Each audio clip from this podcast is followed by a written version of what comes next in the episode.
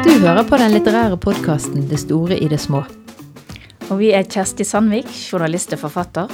Og Grete Fatima Sayed, litteraturviter, forfatter og oversetter. Vi har fått støtte fra Litteraturhuset i Bergen, Bergen kommune. Kulturrådet og Fritt Ord. Og i dag skal vi snakke om farger. I litteraturen og andre steder. Er nå farger så viktig, da, kan det hende du spør deg sjøl. Absolutt. Det er det. For litteratur handler om ting.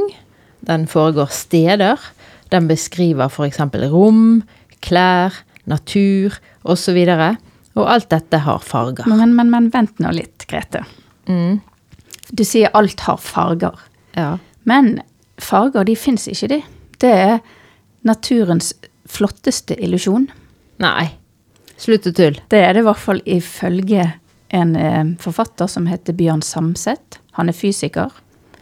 Og han har skrevet boken Lys, og i den så sier han at Eller han forklarer at farger, det er noe som skjer i hjernen når hjernen fanger opp lys med en eh, bølgelengde som hjernen gjenkjenner da som enten rødt eller blått eller gult, eller, men de fins ikke i seg sjøl i naturen. Nei, nei, nei, nei. Da har vi et problem her. Skal vi bare pakke snippesken og si takk for nå, da? Eller skal vi late som farger da, men- farger fins? De fins jo, men, men det måtte bare ha litt sånn eh, Fakta på bordet? Ja. ja. Ingenting fins jo lenger snart. Det er bare konstruksjoner. Men ok, uh, i litteraturen fins i hvert fall farger. Uh, selv om på en måte er det jo bare svart-hvitt, for det er jo disse knotete bokstavene på hvite eller off-white ark. Når vi leser, så i hvert fall jeg ser noe for meg farger, da. Og jeg vet jo at en, av, en forfatter som du liker veldig godt, har skrevet mye om farger. Ja. Og det er Oran Pamuk, som er en tyrkisk forfatter med nobelpris i litteratur.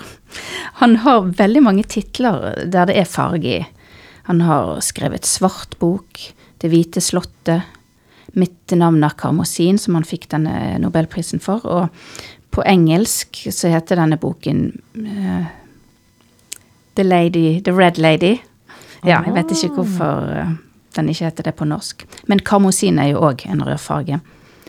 Og så har han skrevet en essaysamling som heter Andre farger, og på baksiden av den så står det sitat Aron Oran Pamuk. For å kunne være lykkelig må jeg få min daglige dose av litteratur. Det syns jeg var sånn flott. Der kan vi kanskje kjenne oss litt igjen. En daglig dose farger, kanskje. Ja, han har òg skrevet noe fint om farger i denne essaysamlingen som heter Andre farger, og der står det Med årene har jeg kommet til at det å skrive ikke så mye dreier seg om å fortelle om verden, men om nettopp det å se verden med ordene. Fra det øyeblikket han begynner å bruke ordene slik farger anvendes i oppbyggingen av et maleri, vil en forfatter på ny oppdage hvilket vidunderlig og forbløffende sted verden er. Og ved å splintre språkets forkalkninger vil han finne sin egen stemme. Så det syns jeg var godt sagt, rett og slett. Det var Veldig fint. Det å se verden med ordene, det kan vi skrive under på. Ja. Å se verden med fargene er jo òg eh, en ganske vanlig måte å eh, se verden på, kanskje. Fordi at det er jo veldig mange symbolske verdier og betydninger som er knyttet til farger, og det er veldig mange ord og uttrykk som er, har farger i seg. Veldig mange av de skifter, sånn som jentefarger og guttefarger har vel skiftet betydning, rosa og, og lyseblått. Um, og eh, farger, hvordan farger virker på psyken, om noen er beroligende og noen er eh, søvndyssende, f.eks. Skulle blått være bra å ha på soverommet? Ja, du vil ikke sovne inn i et knallrødt soverom, kanskje? Nei, kanskje det er vanskeligere. Og kjøkken var òg blå, fordi at det skulle holde fluene vekke, og det var vel et eller annet kjemisk stoff i det blå. Ellers har jo blått òg vært laget som såkalt potteblått, der man rett og slett brukte det man hadde for hånden, nemlig litt urin, for å få en For hånden. ja, ja. Ja, ja. Få en eller annen eh, eh, kjemisk reaksjon. Mens andre farger var veldig kostbare og eksotiske og forbeholdt overklassen, da, hvis vi snakker historisk. Og laget f.eks. av snegler, som purpur var, og karmosin, som du har nevnt nå, var et insekt. Mens oker var en leire med noe jernoksid i. Og brent siene også var en leire oppkalt etter den italienske byen. Så hvis vi skrur noen hundre år tilbake i tid, så var det nok mindre farger sånn på klær og hus og, og tannbørster enn en vi har, da. Ja. Vi lever i en fargerik eh, verden. Og ofte land som vi tenker altså der det er mange soldager og varmegrader i løpet av et år, så er, bruker man ofte veldig sterke farger. Og kanskje tilgangen sånn tradisjonelt har vært lettere å lage farger av ulike urter og blomster. Kan, Det kan godt være. Men eh, i kulturen, da, så møter vi jo også eh, fargene. Eksempel har jomfru Maria ofte på seg en blå kappe i malerier, og av og til så har hun en rød eller brun, rødbrun innside på den kappen. Eh, noe som skal vise til at hun var himmeldronningen det blå, og at hun òg på en måte forente jord og himmel med det eh, jordfargede, eller leirefargede. ja, men den fargen kan jo òg ha litt sånn negative assosiasjoner. Brunt. Sånn brunt. Ja, litt sånn kjedelig. Ja. Men ikke så kjedelig som grått, for det er liksom per definisjon Det er kjedelig, det. ja. Grått og trist hører jo nesten sammen. Du ser du har på deg en grå genser, men eh, ok. Ja, men jeg tror jeg har en teori om at folk kler veldig godt grått. Lett å kombinere med andre Ja, farger. og da kommer de egne fargene litt frem. Men altså, det blå, da, for å fortsette litt å holde på det som en av de vanligste fargene, så eh, kan det jo hete både å blånekte. Det, da nekter du enda mer iherdig enn hvis du bare nekter. Så det er sånn forsterkende et forsterkende forledd. Og vi har et uttrykk som blåmandag. Og ut i det blå. Ut i det blå, ut av det blå. Ut av det blå. Ja. Og blå kan bety gniten. Å være blå. Uh, vi har Melankolsk. Ja. Som kanskje har med den blå timen å gjøre når mørket Mm. senker seg. Eller blues, bluesen. Bluesmusikken med blåtonene sine. Eh, hos eh, billedkunstneren og barnebokforfatteren Janosch, som er egentlig ikke bare barnebokforfatter, for han er, var helt fantastisk. Men i bøkene hans om den vesle bjørnen og den vesle tigeren, som Ragnar Hovland har gjendiktet eller oversatt til norsk, så er det et sted at den stakkars tigeren har fått en stripe på skeive og må på sykehuset opereres. Og da, når han får en sånn stor sprøyte da, med en eller annen bedøvelse, narkose eller noe sånt, så står det at han må bare gjennom en liten blå søvn. Og når han våkner opp igjen, så er alt i, i sin skjønneste orden og stripen på plass der han skal være. Ja, flott at han fikk orden på den stripen. Ja. Så har vi òg i Blåmann, Blåmann, som en kjent eh, barnesang. Blåmann, blåmann, bukken min. Og eh, flagget vårt er rødt, hvitt og blått. Som kommer fra den franske revolusjonen. Mm. Frihet, likhet og brorskap. Men det er jo òg blå eh, fjell, holdt jeg på å si, blå himmel og hvit snø, og vi kan jo Ja. legge de andre verdier òg, hvis vi vil. Kan vi ikke det? Jo, det kan vi. Da skulle vi kanskje hatt grønt i det flagget, da. Ja. Mens det svenske er gult og blått, og jeg vet ikke hvorfor det er Kanskje de har mer gull og sånn der, siden de har adel, som ikke vi har. Men um, ja, grønt, da. Har du noen eh, Grønn av misunnelse. Mm. Å være grønn. Er du grønn? Jeg er helt grønn på veldig mye.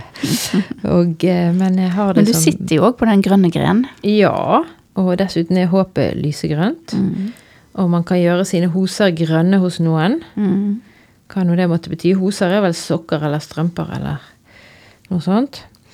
Eh, men hos Shakespeare i Otello er sjalusien, den sykelige, dødelige sjalusien og maktbegjæret, der er omtalt som the green-eyed monster. Udyr eller uhyre med grønne øyne. Ja, og hvitt er jo nest kanskje ikke en farge, da, men den er nå med likevel som litt sånn uskyld. Uskyld. Det er hvit og Det er liksom ubeskrevet ark, på en måte, som bruden skal være. Selv om brudekjoler tidligere var svarte ofte. Noe som vi forbinder mer med sorg i vår tid. Ja, Så har vi jo gult. Og her gult. har du sterke meninger om den stakkars gulfargen. Det er ikke Ja, mye her har vi eh, blitt litt eh, på en kant. Fordi at jeg forbinder gult i litteraturen nesten bare med noe negativt. Som eksempel ondskap og falskhet og svikefull gule øyne, sånn som katt og ulv. Sånne dyr som ikke vi kan stole på. Uff. Må ikke si det høyt. Mar- Tenk alle katteelskerne som sitter her nå. Ja, ja, ja. Men- Får du enda flere mot deg. Nå er det bare sorgens kapittel. Nei, men eh, jeg tenker på at eh, f.eks. har Nagel i Hamsun sin mysterier en gul kledning. Og eh, i Goethes Unge Werthers lidelse så er det gult. Og så tenker jeg på månen, som er jo knyttet til galskap og svik og liksom kvinnelig eh, mangel på pålitelige eh, egenskaper. Den er jo veldig ofte gul. Men solen er også gul. Solen er også gul. Og det er jo stikk motsatt. Det er liv, og det er varme, og Ja. løvetann er gul, og heste med alle de første vårblomstene er gul. Det er sant. Men um, det gule huset, der vil du helst ikke havne, for det er en eufemisme for psykiatriske institusjoner på russisk. Okay. Og eh, tenk på hvor nedsettende og rasistisk man har omtalt folk fra Østen som den gule fare og gulinger. Og så fikk du jo nettopp, etter så jeg har forstått, bekreftet din, ditt forhold til gult med en liten lapp på bilvinduet din. En lang, gul, ekkel remse der det sto at jeg måtte betale 600 kroner inn til et eller annet fælt eh, institusjon. Ja, men eh, jeg har òg lest at Astrid Tollefsen, som fikk mange eh, avslagsbrev fra forlag før hun debuterte som lyriker, at disse avslagsbrevene var ildgule. Og det er noe med at de kanskje fester seg i, i mm, i- Altså, de er veldig synlige, da. Mm. Sånn refleks neonfarge, nesten. Og Hans Børli skriver et dikt om gult hylende som hundegalskap. Hm. Så gir du deg på det gule? Ja, gulnet papir, det er jo gammelt og det kan være verdifull ting som står der. Ja, ok da. Det, Men jeg har, jeg har jo alliert meg med noen symbolleksikon her, da. Okay. Og egentlig så gir jo de oss rett begge to. Fordi at um, i det ene jeg har, så står det at gult symboliserer intellektet, intuisjonen, troen og godheten. Men også, hvis det er litt mørkere gult, bedrageri, svik, svartsjuke, æresyke, gjerrighet, troløshet og hemmelighetskremmeri. Men du, Grete. Jeg vil litt tilbake til Bjørn Samsent sin bok, som jeg nevnte tidligere. Den heter jo En fortelling om regnbuen og nordlyset, flammene og ildfluene, og menneskets kamp for å holde mørket tilbake. Og han er en flink formidler.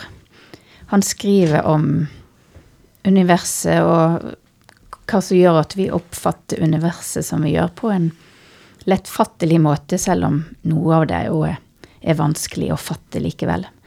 Jeg føler meg litt grønn, så ikke driver med fysikk og kjemi og sånt til vanlig. Men eh, han skriver òg om f.eks. at han som eh, sju-åtteåring flyttet fra Oslo til Trøndelag. Og når han da kunne se ut eh, vinduet om kvelden og se en stjerneklar himmel på en måte som han ikke hadde kunnet se i Oslo, så tror han sjøl i hvert fall at det var med å, å, å gjøre at han valg, gjorde det yrkesvalget han gjorde. Han ble så interessert i hva er det som skjer der oppe. Og han beskriver hva som skjer når vi ser nordlys. Han er innom regnbue. Han er han, er- Ja, det er en bok jeg absolutt vil anbefale. Hmm. jeg eh, for min del bet meg særlig merke i to ting. Um, for jeg har jo lest boken, jeg må bare innrømme det. Eh, Men um, det ene var det her med at selv om farger er en illusjon, så fins de i hvert fall ikke i deler av blikket vårt, eller deler av eh, synet vårt. For hvis du tar og blender vekk noen sektorer, hvis du tenker sånn kakestykkediagram, at, at blikket vårt er en sånn halvsirkel eller noe sånt, så um, ser du faktisk bare fargene med en liten del. Så hvor kult hadde ikke det vært å kunne blende vekk resten, og så går du inn i et rom, og så er faktisk alt i det rommet bare svart-hvitt.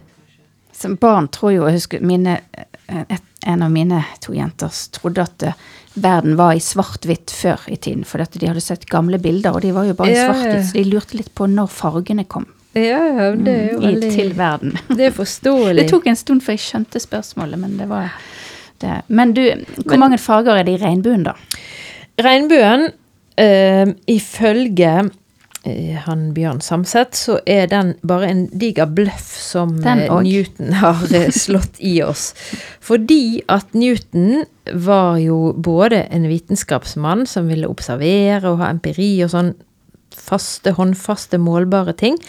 Men han var jo òg en mann av sin tid, og på den tiden var man mer religiøs enn man er i dag, de fleste er i dag. Sånn at Newton han eh, hadde et slags behov for at det skulle være en guddommelig orden, eller hva vi skal kalle det. Eh, en, en symbolikk som var knyttet til kristendommen, da. Og der er jo tallet syv et ganske Det kunne ikke vært tre. det kanskje kunne vært ti, men det kunne liksom ikke vært Nei, tre. eh, 22, tror jeg. Det kunne absolutt ikke vært. Men eh, tallet syv er jo gudskapet Gud skapte verden på syv dager, og det er syv toner i en skala. Det er et hellig tall. Og det her med skalaen er jo var det Newton grep fatt i. Ikke bare så ville han ha syv farger i regnbuen fordi det er syv toner i en skala, men han ville òg ha det som fem heltoner og to halvtoner. Og det går på hvor skarpt hoppet er, da, eller hvor tydelig hoppet er. Og der er det han gjør eh, kunstgrepet. Han dikter inn noen farger som visstnok ikke skal være synlige i regnbuen. Og det er eksempel lilla. Ja, det er indigo. Og det er oransje. Ja, Ja. det er helt riktig. Har du sett på regnbuen og sett om du kan ja, det er det. få, få Altså, Samset sier at hvis du klarer å se den indigoen og den oransjen, så må du ringe til han. Mm. Nei da, han sier da har du bedre fargesyn enn en meg, i hvert fall, sier han. Sånn at det vi eh, eh, ha, Altså, det, det her er sånn, noe som fascinerer meg egentlig igjen og igjen. Det vi tror er vitenskap, og, og målbart og synlig og dokumenterbart og bevis, liksom. Bare illusjon, hele greia. Ja, det er jo det. Det er Newton sin, sin kreative fantasi og, og rel- religiøse overbevisning. Så ifølge Samset så er det mye som kommer fra derfra, da. Fra Newton sin eh, skaperkraft og fantasi og eh, religiøsitet. Så da har vi avlivet den. Da er vi kommet til den siste av eh, dagens fargerike forfattere. Og det er den amerikanske poeten og essayisten Ann Carson. Eh, der er det mye farger.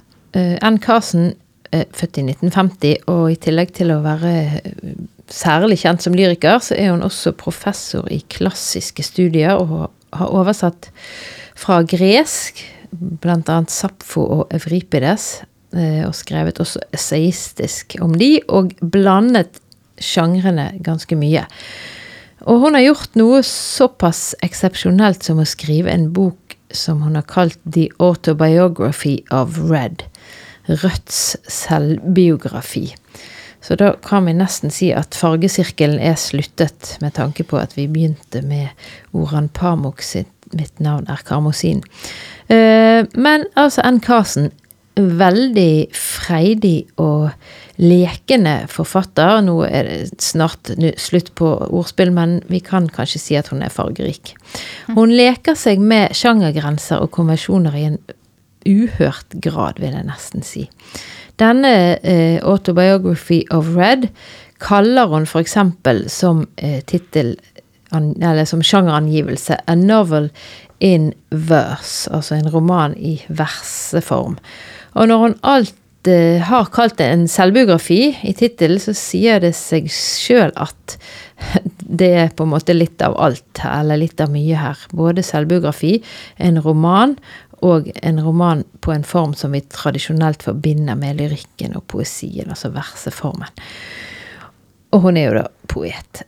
Eh, dessuten så er størstedelen av tekstmassen ulike appendikser, som er jo sånne tillegg som vi er vant til å finne i vitenskapelige publikasjoner. Så nok om det. Den boken som jeg har lyst til å snakke om, er den som heter 'Irony, Glass and God'. Ironi, glass og Gud. En fantastisk tittel. Tenk å blande ironi, glass og Gud.